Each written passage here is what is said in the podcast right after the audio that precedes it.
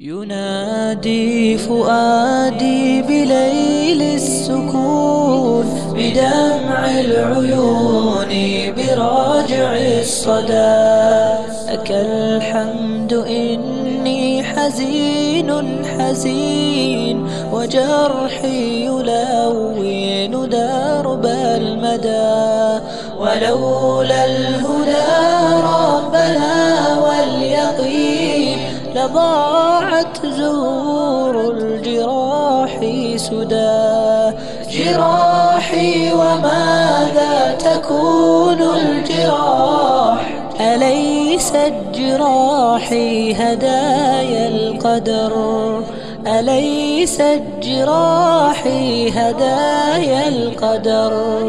إذا ما ارتضيت يطير الجناح. يكحل من نور عين القمر لك الحمد حتى الصباح لك الحمد في الصبح حتى السحر.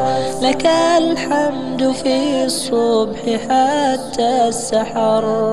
جراحي وما لي جراح سوى. ذنوبي فكيف أداوي الذنوب؟ فكيف أداوي الذنوب ذنوبي فكيف أداوي الذنوب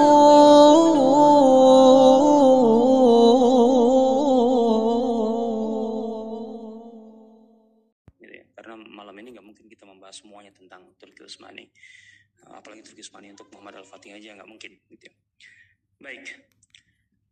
Sekali lagi kita bicara Ayah Sofia tidak akan mungkin lepas dari Konstantinopel atau penaklukan Konstantinopel. Bagaimana Ayah Sofia menjadi masjid, gitu ya. Itu uh, yang harus kita pahami dengan baik akar sejarahnya seperti apa. Dan tentu saja Konstantinopel atau penaklukan Konstantinopel tidak mungkin lepas dari sosok Muhammad Al-Fatih.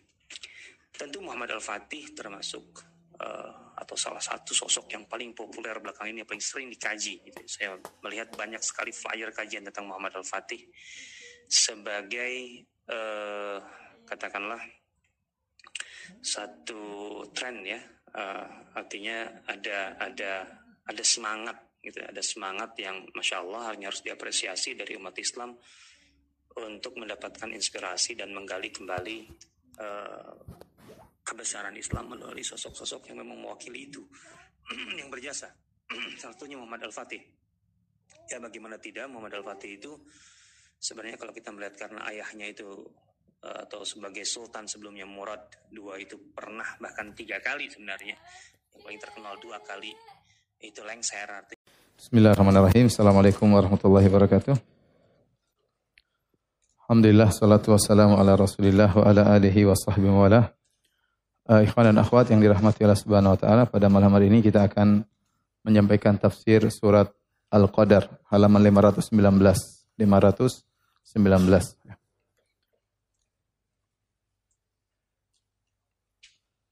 Uh, surat Al-Qadar uh, Al-Qadar artinya kemuliaan.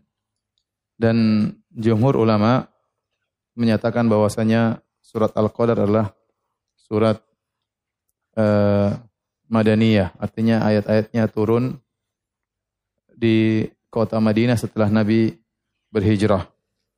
Dan ini adalah surat yang diturunkan oleh Allah khusus menjelaskan tentang kemuliaan malam Lailatul Qadar. Uh, sebelumnya, sebelum surat ini dalam tertib di Al-Quran, di Mushaf adalah surat uh, Al-Alaq, Iqra' bismi rabbikal ladzi khalaq. Kemudian baru setelah itu surat Inna anzalnahu fi lailatul qadar. Sebenarnya mengatakan hubungan antara surat Al-Alaq dengan surat Al-Qadar datang setelahnya seakan-akan Allah ingin menjelaskan bahwasanya ayat yang pertama kali turun kepada Nabi SAW di Gua Hira ya Iqra' bismi rabbikal ladzi khalaq dan seterusnya adalah di malam Lailatul Qadar, di malam Lailatul Qadar. Allah berfirman ayat pertama, "Inna anzalnahu fi Lailatul Qadar." Sungguhnya kami menurunkannya di malam Lailatul Qadar. Inna anzalnahu, kami menurunkannya, nya di sini tidak disebutkan sebelumnya, tetapi yang baca sudah ngerti. Yang dimaksud adalah Al-Quran. Kami menurunkannya di malam Lailatul Qadar. Dan Allah menggunakan kata kami di sini adalah sebagai bentuk pemuliaan. Bukan berarti Allah berbilang atau ganda sebagaimana tuduhan sebagian orang-orang ahlul kitab. Mereka mengatakan dalam Al-Quran juga Allah menyebutkan Allah kami seakan-akan berbilang. Dan ini tentunya tidak tidak benar ya. Karena uslub bahasa Arab tidak mesti kami menunjukkan uh, banyak. Sebagaimana antum juga tidak mesti menunjukkan banyak. Bisa jadi yang diajak berbicara satu orang tapi kita bilang antum. Dan itu banyak dalam hadis-hadis. Contohnya Rasulullah SAW waktu turun dari Gua Hira dalam kondisi ketakutan, kemudian bertemu dengan uh, Khadijah, kata Nabi SAW, zammiluni, zammiluni. Pakai kata ganti orang kedua uh, plural. Selimuti aku, kalian selimuti aku, kalian selimuti aku. Padahal yang, yang diajak bicara cuma berapa orang? Satu orang. Dan kita sering juga kita mengatakan antum, ternyata maksudnya apa? Satu orang. Ini bentuk penghormatan, pengagungan sebagaimana Allah mengatakan kami juga bukan berarti Allah berbilang. Kalau seandainya kata kami pasti berbilang, tentunya orang-orang musyrikin sudah menjadikan ini alasan untuk mengejek Al-Quran. Yang lebih paham bahasa Arab, Ahlul Kitab atau Abu Jahal? Yang lebih paham bahasa Arab siapa? Nasrani, Yahudi atau Abu Jahal? Abu Jahal lebih paham. Kalau ini memang artinya adalah berbilang tentu Abu Jahal akan mencela Al-Quran atau mengejek Nabi SAW. Namun tidak seorang pun dari orang-orang Quraisy kafir yang menjadikan ini sebagai bahan cercaan dalam Al-Quran karena mereka tahu makna kami bukan berarti harus apa? Berbilang. Inna anzalnahu fi lailatul qadar. Ya. E, apa maksud dari kami turunkan ayat ini di malam Lailatul Qadar atau menurunkan Al-Quran di malam Lailatul Qadar? Ada dua pendapat secara umum. Pendapat pertama, ya maksudnya Al-Quran pertama kali turun di Gua Hira di malam Lailatul Qadar. Itulah Iqra bismi rabbikal ladzi khalaq, khalaqal insana min 'alaq dan seterusnya lima ayat dari surat Al-Alaq. Turun pertama kali di malam Lailatul Qadar. Ini pendapat pertama. Pendapat kedua, Al-Qur'an turun di Lailatul Qadar maksudnya turun secara keseluruhan di Lauhil Mahfuz. Dari Lauhil Mahfuz ke Baitul Izzah. Mohon maaf, dari Lailatul dari Lauhil Mahfuz diturunkan ke Baitul Izzah, kemudian baru diturunkan mufarraqan secara bertahap kepada Nabi SAW sesuai dengan kejadian-kejadian yang yang ada. Dan ini adalah perkataan Ibnu Abbas radhiyallahu taala berkata Ibnu Abbas anzalallahu al-Qur'ana jumlatan wahidan jumlatan wahidatan minal lauhil mahfuz. Allah turunkan Al-Qur'an secara keseluruhan 30 juz langsung dari lauhil mahfuz ila baitil izzah minas sama'id dunya di baitul izzah di langit dunia. Thumma nazala mufassalan bihasbil waqa'i' Kemudian Allah turunkan secara terperinci bihasabil waqa'i berdasarkan peristiwa-peristiwa fi salatin wa ishrina sanah dalam waktu 23 tahun. Al-Quran turun kepada Nabi Shallallahu Alaihi Wasallam. Dua-duanya pendapat datang dari uh, salaf, ya, dua pendapat di kalangan para ulama. Taib. Kemudian Allah berbicara tentang Lailatul Qadar. Kata Allah, "Wa ma adraka ma Lailatul Qadar." Dan apa yang kau ketahui tentang Lailatul Qadar? Uh, dari sini kita tahu bahwasanya Lailatul Qadar ya, sebagaimana nanti akan kita jelaskan pendapat yang rajih adalah 10 di antara malam-malam ganjil di 10 malam terakhir dari bulan Ramadan.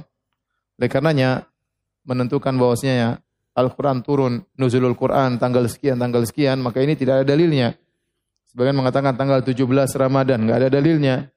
Justru kalau, kalau kita bilang lebih dekat kalau kita katakan Al-Quran turun di 10 malam terakhir bulan Ramadan. Itu tanggal 20 ke atas, bukan tanggal 17 Ramadan. Intinya tidak ada dalilnya tanggal mana pun, semuanya tidak ada dalil hanya pendapat dan pendapat uh, tidak bisa dijadikan pegangan.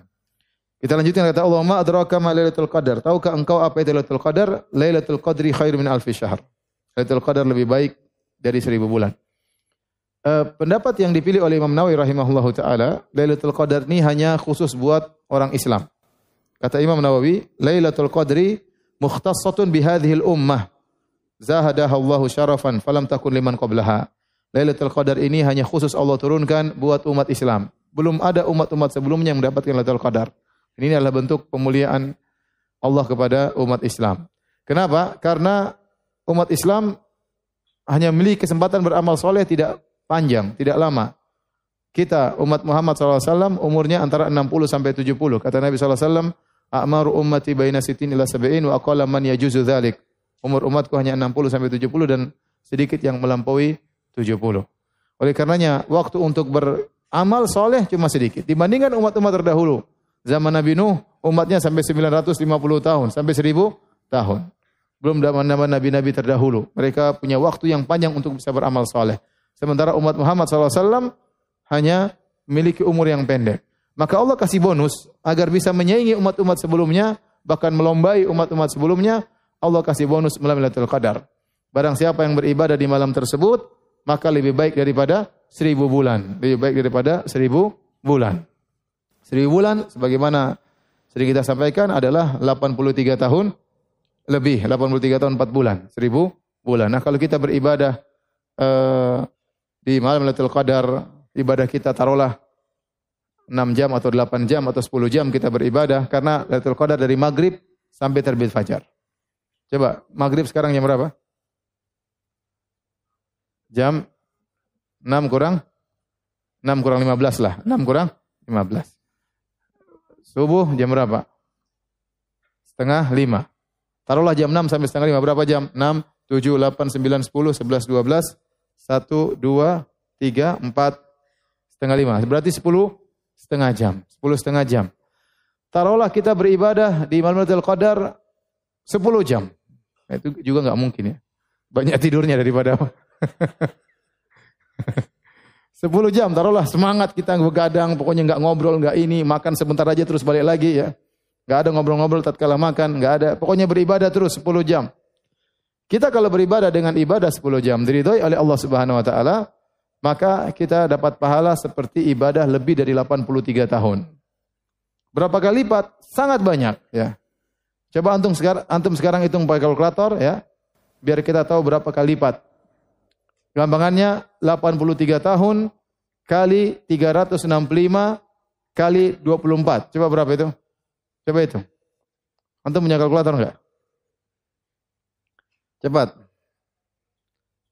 Uh, ulang berapa? 383 eh, kali 365 kali 24 sama dengan 727080. Bagi 10. 72 ribu. Bagi 10. Berarti antum dilipat gandakan pahalanya 72 ribu kali lipat. 72 ribu kali lipat. Paham itu? Antum dikasih matematika biar semangat. 70 ribu kali lipat. Jadi kalau antum baca satu jam Al-Quran seperti baca 72 ribu jam. 72 ribu jam. Gampangannya begini. Antum ibadah 10 jam, pahalanya 83 tahun. Berarti kalau antum ibadah satu jam, pahalanya 8 tahun. Pahalanya 8 tahun. Kalau antum baca Al-Quran satu jam, seperti antum baca Al-Quran 8 tahun. Tapi kalau antum tidur 5 jam, hitung aja sendiri.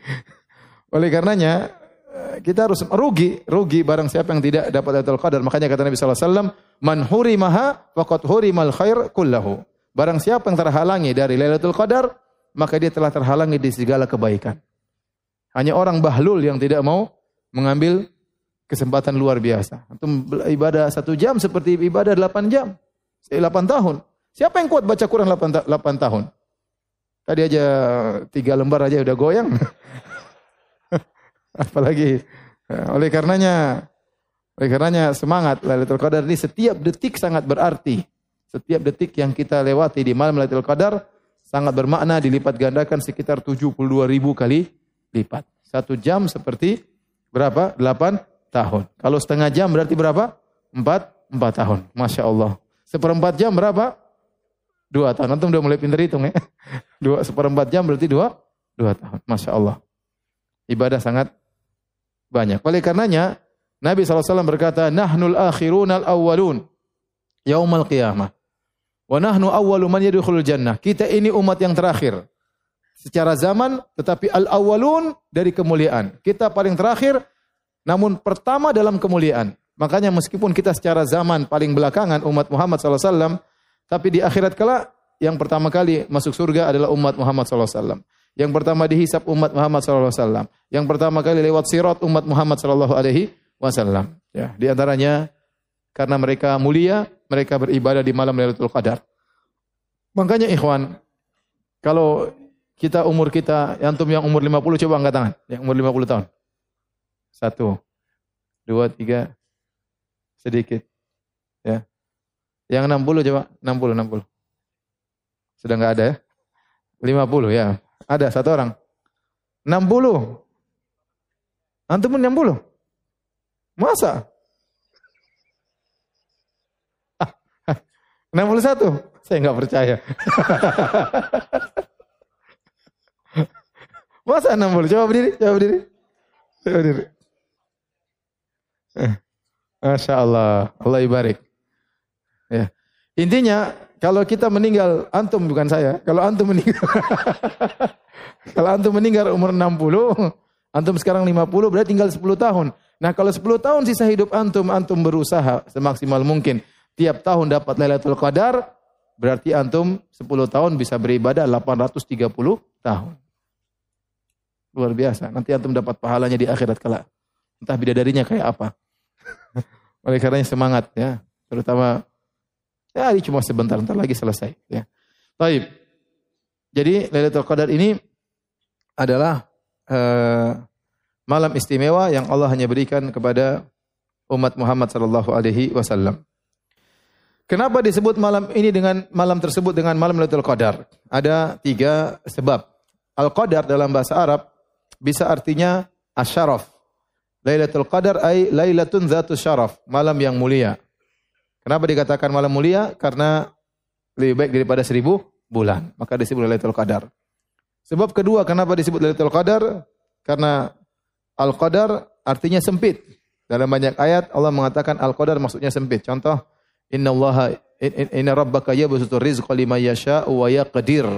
Sungguhnya Allah melapangkan rizki bagi yang Allah kehendaki dan Allah menyempitkan rizki. Wa amman eh, apa namanya? Uh, wa idza mabtalahu faqadara alaihi rizqahu. Wa amma idza mabtalahu wa qadara alaihi rizqahu fayaqulu rabbi ahanan. Adapun sang hamba kalau Allah mengujinya faqadara Allah sempitkan rizkinya maka dia berkata rabbi ahanan. Rabbku telah menghinakan aku.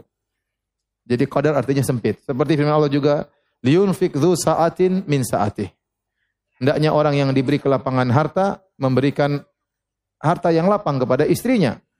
Ya, jangan pelit sama istrinya. Wa man qudira alaihi rizquhu, barang siapa yang disempitkan rezekinya, falyunfik mimma atahullah. Maka dia berikan kepada istrinya semampunya. Ya. Maka qadar artinya sempit. Kenapa malam Lailatul Qadar disebut malam yang sempit? Sebagaimana pernah saya singgung, karena malaikat banyak yang turun. Banyak yang turun di malam tersebut menyaksikan ibadah kaum muslimin, mengucapkan salam kepada kaum muslimin sehingga malam tersebut terasa sempit karena banyak sekali malaikat yang turun dengan izin Allah Subhanahu wa taala. Dan yang ketiga, Lailatul Qadar dinamakan dengan Lailatul Qadar karena di malam Lailatul Qadar Allah mentakdirkan tahu takdir tahunan. Sebagaimana dalam surat Ad-Dukhan, "Inna anzalnahu fi lailatin mubarakatin inna kunna munzirin." Fiha yufraku kullu amrin hakim. Kata Allah, sungguhnya kami menurunkan menurunkan Al-Quran pada malam yang diberkahi, sungguh kami yang beri peringatan. Pada malam itu dijelaskan segala urusan yang penuh hikmah. Amran min indina, urusan dari kami. Kata para ulama, ini adalah takdir sanawi. Jadi takdir itu ada empat. Takdir ada empat. Yang pertama adalah takdir di lauhil mahfuz. Ini mencatat semuanya. Ini database utama. Yang kata Nabi SAW, Inna Allah kataba maqadir al-khalaik qabla yakhluqas samawati wal ardi bi khamsina alfasanah. Sungguhnya Allah menciptakan Allah menulis takdir seluruh manusia, seluruh makhluk 50 ribu tahun sebelum Allah ciptakan langit dan bumi. Allah tulis lauhil mahfuz.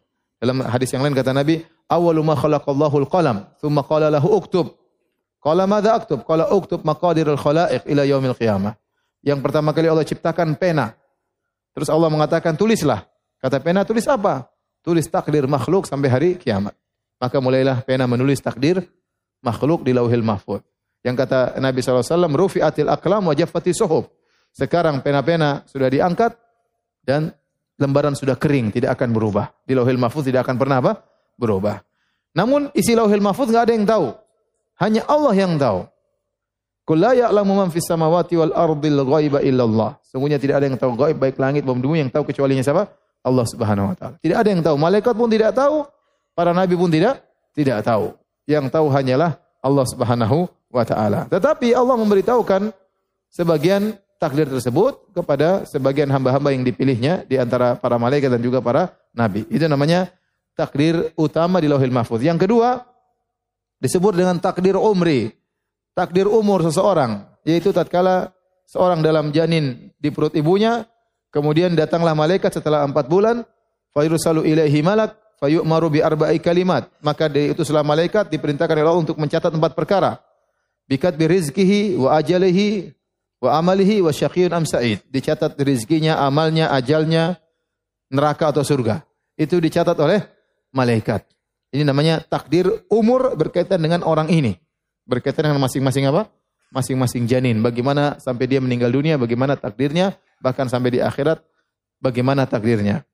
Yang ketiga namanya takdir sanawi, takdir tahunan.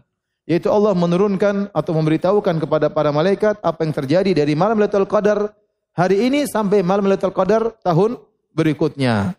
Yang itu semua datanya diambil dari Lauhil Mahfuz. Allah keluarkan sebagian data, Allah beritahukan kepada malaikat, itu namanya takdir tahunan. Dan ada juga disebut dengan at-takdir al-yaumi, takdir harian yaitu sebagaimana firman Allah Subhanahu wa taala, yas'aluhu man fis samawati wal ardi kulla yaumin huwa fi sya'an. Apa yang di langit dan di bumi selalu minta kepadanya setiap waktu dia dalam kesibukan kata para ulama maksudnya Allah beritahu hari ini bagaimana bagaimana Allah kasih tahu kepada para malaikat dan inilah beberapa bentuk takdir. Di antaranya takdir tahunan yang Allah turunkan setiap malam Lailatul Qadar. Makanya di antara sebab dinamakan Lailatul Qadar karena pada malam tersebut ada takdir tahunan. Kemudian kata Allah Subhanahu wa taala, "Tanazzalul malaikatu waruhu fiha biizni rabbihim min kulli amr." Maka pada malam tersebut malaikat-malaikat turun dan ar-ruh malaikat Jibril secara khusus. Malaikat-malaikat dan Jibril. Jibril ini spesial. Ar-ruh maksudnya malaikat Jibril. Disebutkan secara khusus setelah diumumkan para malaikat, kemudian dikhususkan malaikat Jibril menunjukkan dia malaikat yang sangat mulia, bahkan dia adalah sayyidul malaikah, pemimpin para malaikat. Fiha turun pada malam tersebut, tanazzal, tanazzalu yaitu tatanazzalu, menunjukkan banyak. Kata para ulama, tatanazzalu itu terus turun banyak sekali malam tersebut. Biizni rabbihim dengan perintah dengan izin Rabb mereka. Kata para ulama tidak semua malaikat turun. Tapi malaikat-malaikat yang diizinkan oleh Allah Subhanahu wa taala untuk turun di malam tersebut, ya. Untuk mengatur semua urusan. Ya, oleh karenanya sebagaimana pernah kita jelaskan malaikat sangat banyak di di langit dan mereka akan turun sebagian mereka turun di malam Lailatul Qadar ya untuk memberi salam kepada orang-orang yang beribadah pada malam tersebut. Sekarang pertanyaan, kapan malam Lailatul Qadar? Kapan malam Lailatul Qadar? Kata Allah terakhir, Salamun hiya hatta matla'il fajar, keselamatan sampai terbit fajar. Berarti Lailatul Qadar dimulai dari terbenam matahari sampai terbit fajar. Begitu terbit fajar, adzan subuh berarti Lailatul Qadar sudah selesai. Pertanyaannya, kapan Lailatul Qadar? Dulu Nabi SAW tahu kapan Lailatul Qadar. Dulu Nabi tahu kapan Lailatul Qadar. Kemudian ini kabar gembira, Nabi tahu kapan Lailatul Qadar, maka Nabi ingin beritahukan kepada para sahabat. Tiba-tiba ada yang bertengkar sehingga Nabi dibuat lupa. Kata Nabi SAW, ya, ini kharajtu li ukhbirakum Lailatul Qadar. Saya keluar dari rumah untuk mengabarkan kepada kalian tentang kapan Lailatul Qadar. Ya, fatalaha fulan wa fulan. Ternyata si fulan dan si fulan bertengkar. Farufiat akhirnya diangkat oleh Allah. Saya lupa, tidak tahu kapan. Wa asa an yakuna khairal lakum. Semoga dilupakannya aku dari kapan Lailatul Qadar ini baik bagi kalian faltamisuha fit tis'i was sab'i wal khams. Carilah di sembilan yang terakhir dan tujuh yang terakhir dan lima yang terakhir yaitu malam 21, malam 23 sama malam 20 25 ya. Jadi uh, di sini Nabi asalnya tahu kapan Lailatul Qadar. Kemudian terjadi musibah. Pengetahuan tersebut dihilangkan oleh Allah Subhanahu wa taala. Kenapa? Karena ada yang bertengkar. Maka ini adalah buruknya bertengkar, buruknya bertikai. Seorang menjauhi pertikaian baik dalam skala kecil maupun skala besar. Jangan sering bertikai karena pertikaian itu mengangkat keberkahan, mengangkat keberkahan. Lihatlah dua orang ini bertikai, akhirnya keberkahan Lailatul Qadar kapan waktunya dicabut oleh Allah Subhanahu wa taala. Seharusnya kita tahu ya. Seharusnya kita bisa pastikan kapan malamnya, tapi sudah diangkat tidak ada yang tidak ada yang tahu lagi, ya. Makanya antum jangan suka bertengkar. Ya. Bahkan dalam skala kecil jangan bertengkar di rumah. Jangan suka bertengkar sama istri. Harus sering mengalah. Kalau antum sering bertengkar, keberkahan diangkat. Tadi berkah mau turun di rumah antum nggak jadi turun. Akhirnya yang turun utang ya. Nggak lunas-lunas.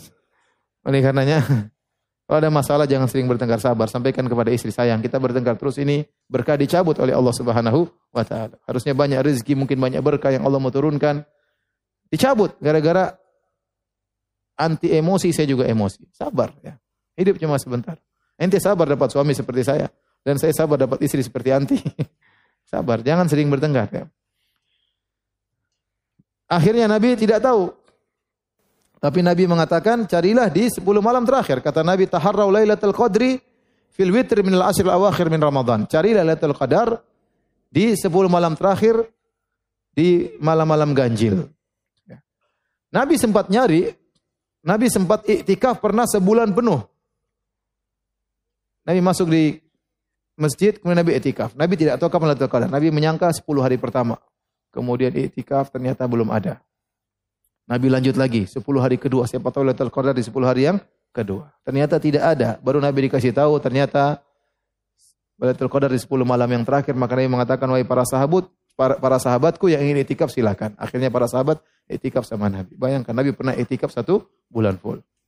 Kita 10 hari aja belum selesai-selesai ya. Ya, Nabi pernah sebulan semangatnya Nabi mencari Lailatul Qadar. Dan kata Nabi waktu ilmu tentang Lailatul Qadar diangkat kata Nabi wa asa an yakuna khairal lakum bisa jadi lebih baik bagi kalian. Kenapa? Ada hikmahnya. Ini musibah tapi ada hikmahnya. Seandainya Nabi kasih tahu Lailatul Qadar cuma malam 29 Nabi pastikan Lailatul Qadar malam 29 maka masjid cuma full malam ke berapa? 29. Padahal keutamaan malam 10 terakhir itu semuanya mulia.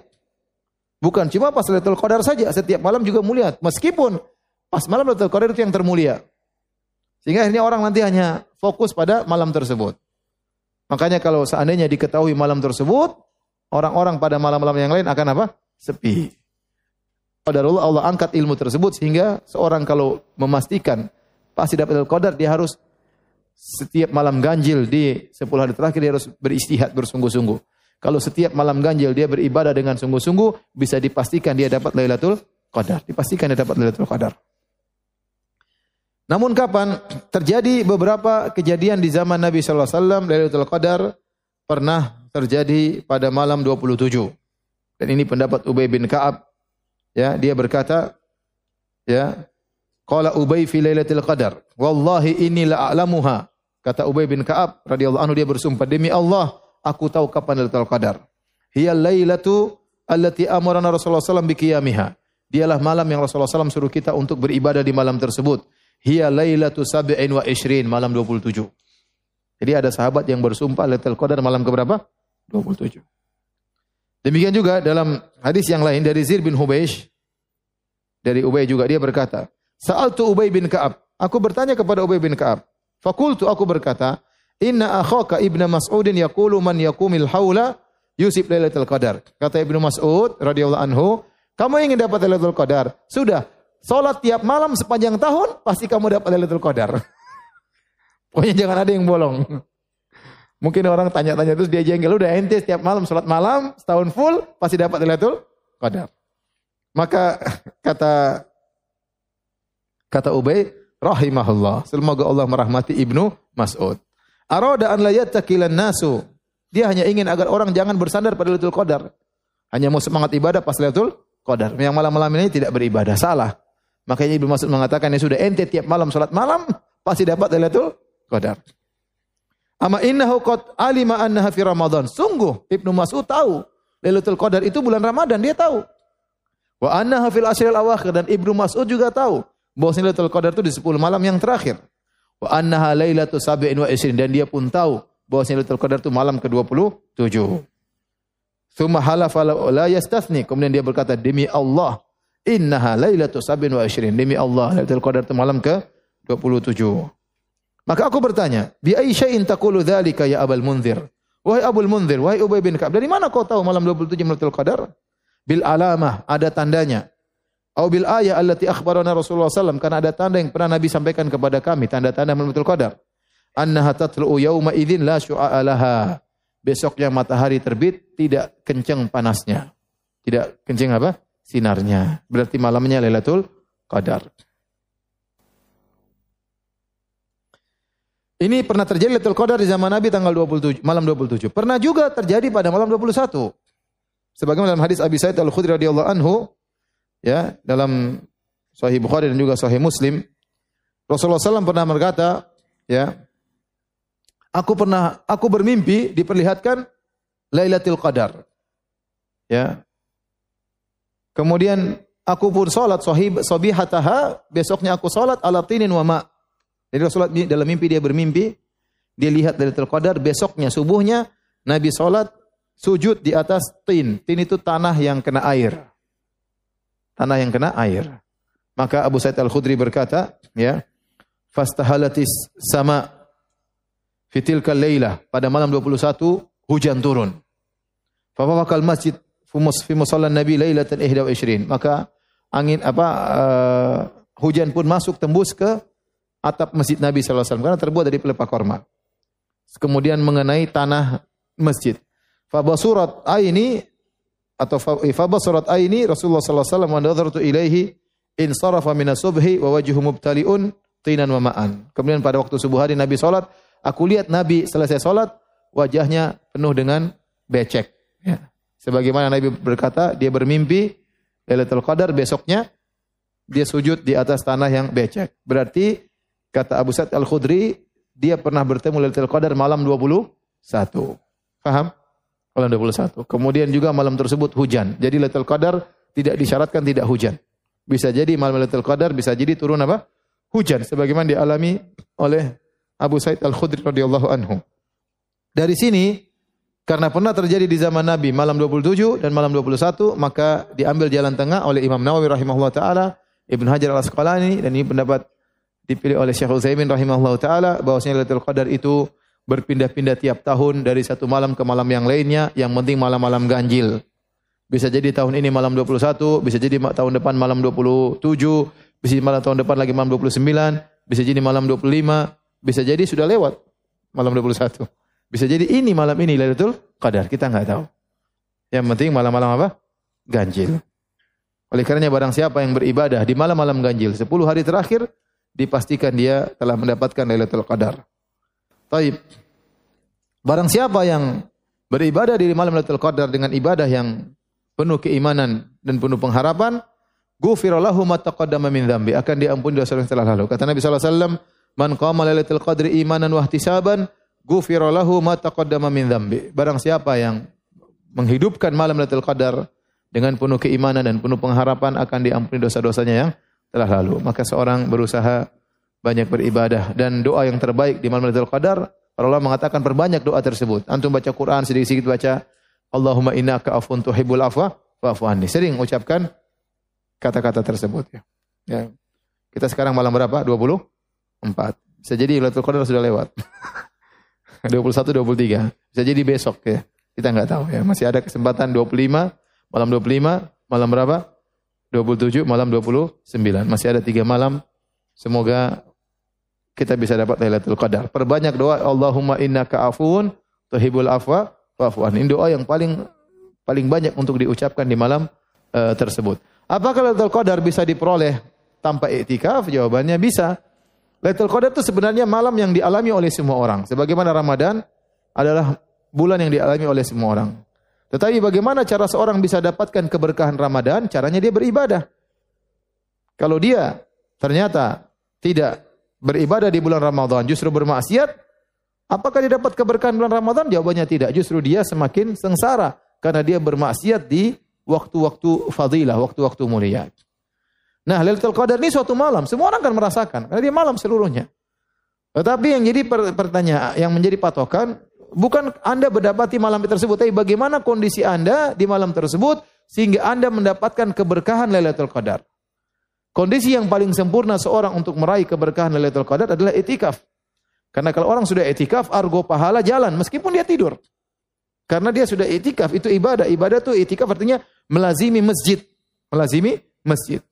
Nah, dia sudah melazimi masjid, ya selama dia tidak bermaksiat, dia mau tidur, dia mau apa, pahala tetap jalan. Apalagi kalau dia isi dengan apa? Ibadah. Maka kondisi terbaik seorang untuk bisa meraih keberkahan Lailatul Qadar adalah dengan iktikaf. Tapi kalau tidak iktikaf ya tidak harus tidak harus.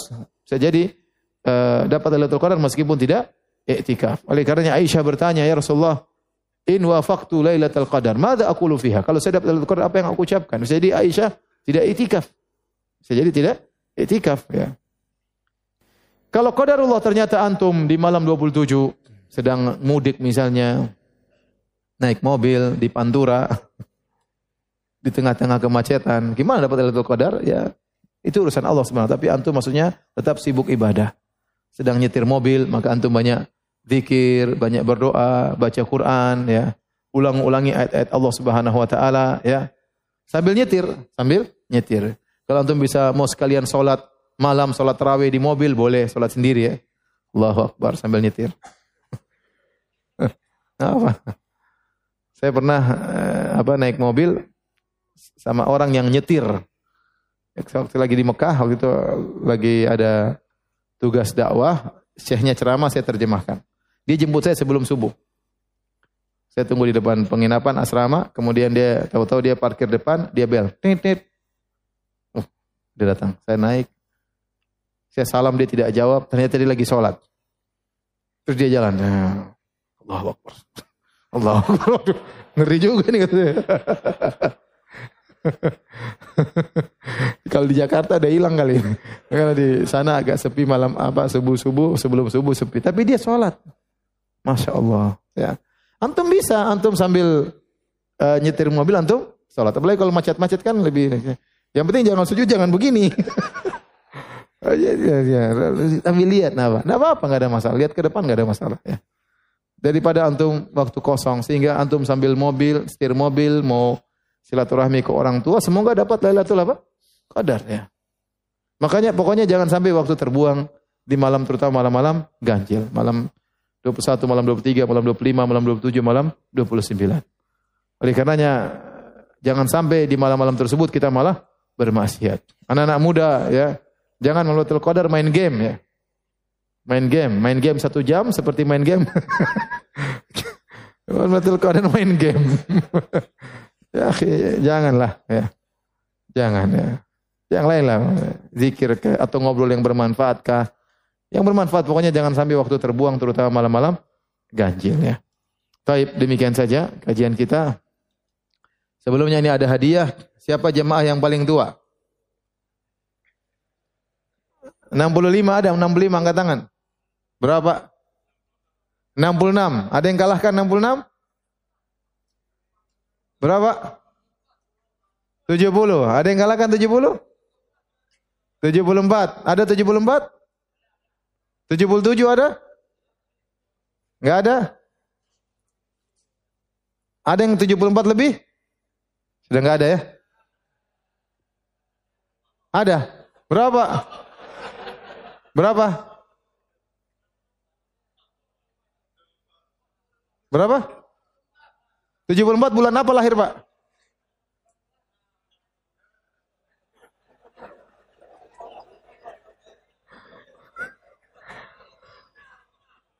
Tujuh puluh lima. Bulan lima. Bapak bulan apa? Oktober ya, yang bulan lima yang dapat. kasih kasih tuh. Demikian saja. Subhanakallah bihamdik. Asyadu ala ila anta. Astagfirullah. Assalamualaikum warahmatullahi wabarakatuh. Wasallam melanjutkan fa in kana fa'ilan. Kalau benar-benar tidak tahan, benar-benar merasa nggak sanggup, nggak tahan sakitnya luar biasa. Beratnya luar biasa. Maka hendak hendaknya dia mengucapkan hendaknya dia berdoa Allahumma ahyini ma kanatil hayatu khairan li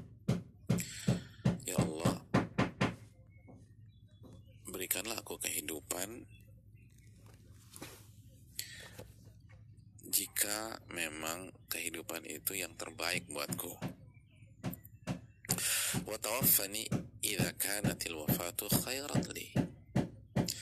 Dan wafatkanlah aku jika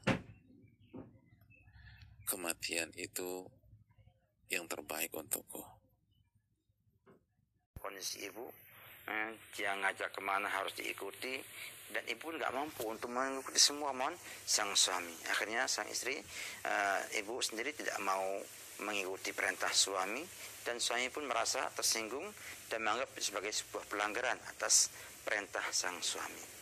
Mungkin akan muncul sana sebuah putusan bahwa istri sudah tidak lagi berpegang dengan suami. Tidak dengan suami. Ini harus dievaluasi kembali oleh ibu dan juga oleh suami untuk kemudian berkumpul membicarakan rumah tangga ibu bagaimana yang terbaik agar semuanya bisa mengerti tugas dan kewajiban masing-masing dan juga agar semuanya mampu untuk memahami keadaan masing-masing. Artinya, ketika sang suami itu mengajak ibu untuk pergi ke rumah orang tuanya dan tahu ibu lah nggak mungkin pergi ke sana dengan banyak pun yang ada, mungkin dia akan maklumi sehingga dia tidak akan marah pun tidak akan apa namanya uh, membenci ibu atau bahkan mungkin juga memaafkan ya itulah yang sudah ada. Tetapi kalau tidak ada kondisi yang baik, maka sang suami tidak mau tahu kondisi ibu dan ibu merasa terzalimi bahwa ibu sudah capek-capek masih dimarahi lagi. Ya, ini akan membuat hilangnya uh, rasa cinta pada ibu dan bahkan bisa jadi muncul kebencian di hati ibu atas suami yang tidak mau tahu keadaan ibu secara versi yang ibu miliki. Maka harapan sahabat ibu buat lagi komunikasi yang baik. Kalau memang ibu merasa bahwa gak kuat untuk mengajarkan seluruhnya dengan sendiri, ajak suami mengerti tentang hal itu. Yang juga perlu kita bahwa anak-anak pun demikian juga butuh perhatian lebih dari ibu dan bapak. Jangan sampai kesibukan itu membuat anak kita terlantar, kemudian nggak terbina, dan akhirnya menjadi musibah pada orang tuanya. Berapa banyak orang tua yang dunianya sudah cukup, ya, bahkan lebih, ya, orangnya baik, ya, orangnya baik, soleh, anaknya berantakan. Nah, ya, berantakan dan anaknya menjadi PR yang berat bagi sang orang tua tersebut. Karena solehnya orang tua tidak menggunakan cara ataupun tidak menggunakan apa kemampuannya untuk mendidik anaknya menjadi anak yang soleh. Banyak orang tua menjual tanahnya, menjual segala hanya untuk me, apa namanya menyelesaikan masalah yang ada pada anak-anaknya. Bahkan mungkin juga karena kurang pendidikan, orang tuanya sadarnya setelah tua, kemudian mendapatkan anaknya menjadi tengkar, satu memusuh yang kedua, sehingga orang tuanya menjadi tidak bahagia di hari tuanya masih memikirkan sengketa antara anak-anaknya. Dan ini juga perkara yang cukup penting untuk ibu uh, ketahui bahwa anak-anak butuh perhatian dari orang tuanya, dari ibu dan bapak, dan harta tidak akan membuat bahagia anak-anak kita. Mereka butuh kasih orang tuanya, butuh arahan orang tuanya, agar mereka terarah dengan terbimbingan dengan baik dalam kehidupan ia di masa yang akan datang. Maka uh, ibu perlu untuk berkomunikasi dengan suami, kita sampaikan hal itu dengan baik-baik agar supaya ibu nanti bisa lebih longgar, lebih enak, suami lebih tahu kepada sang istri sehingga bisa membantu urusan anak-anak misalnya bisa mendidik anak-anak dengan baik sehingga anak ibu bisa jadi anak yang soleh dan solehat dan nanti bisa membantu ibu ketika ibu sudah mulai lemah dan sudah mulai tidak punya kekuatan yang cukup untuk mengurusi kehidupan ibu sendiri. Allah alam bisawab. Jazakumullahu khairan barakallahu fik. Semoga bermanfaat untuk yang bertanya khususnya dan kita semuanya. Selanjutnya Ustaz kami bacakan pertanyaan yang kedua. Assalamualaikum warahmatullahi wabarakatuh Ustaz. Saya mau bertanya, saya mempunyai istri yang sangat setia banget dan susah senang kehidupan ini kami jalani bersama. Semenjak istri saya bekerja, maka timbullah sifat-sifat lain pada istri saya.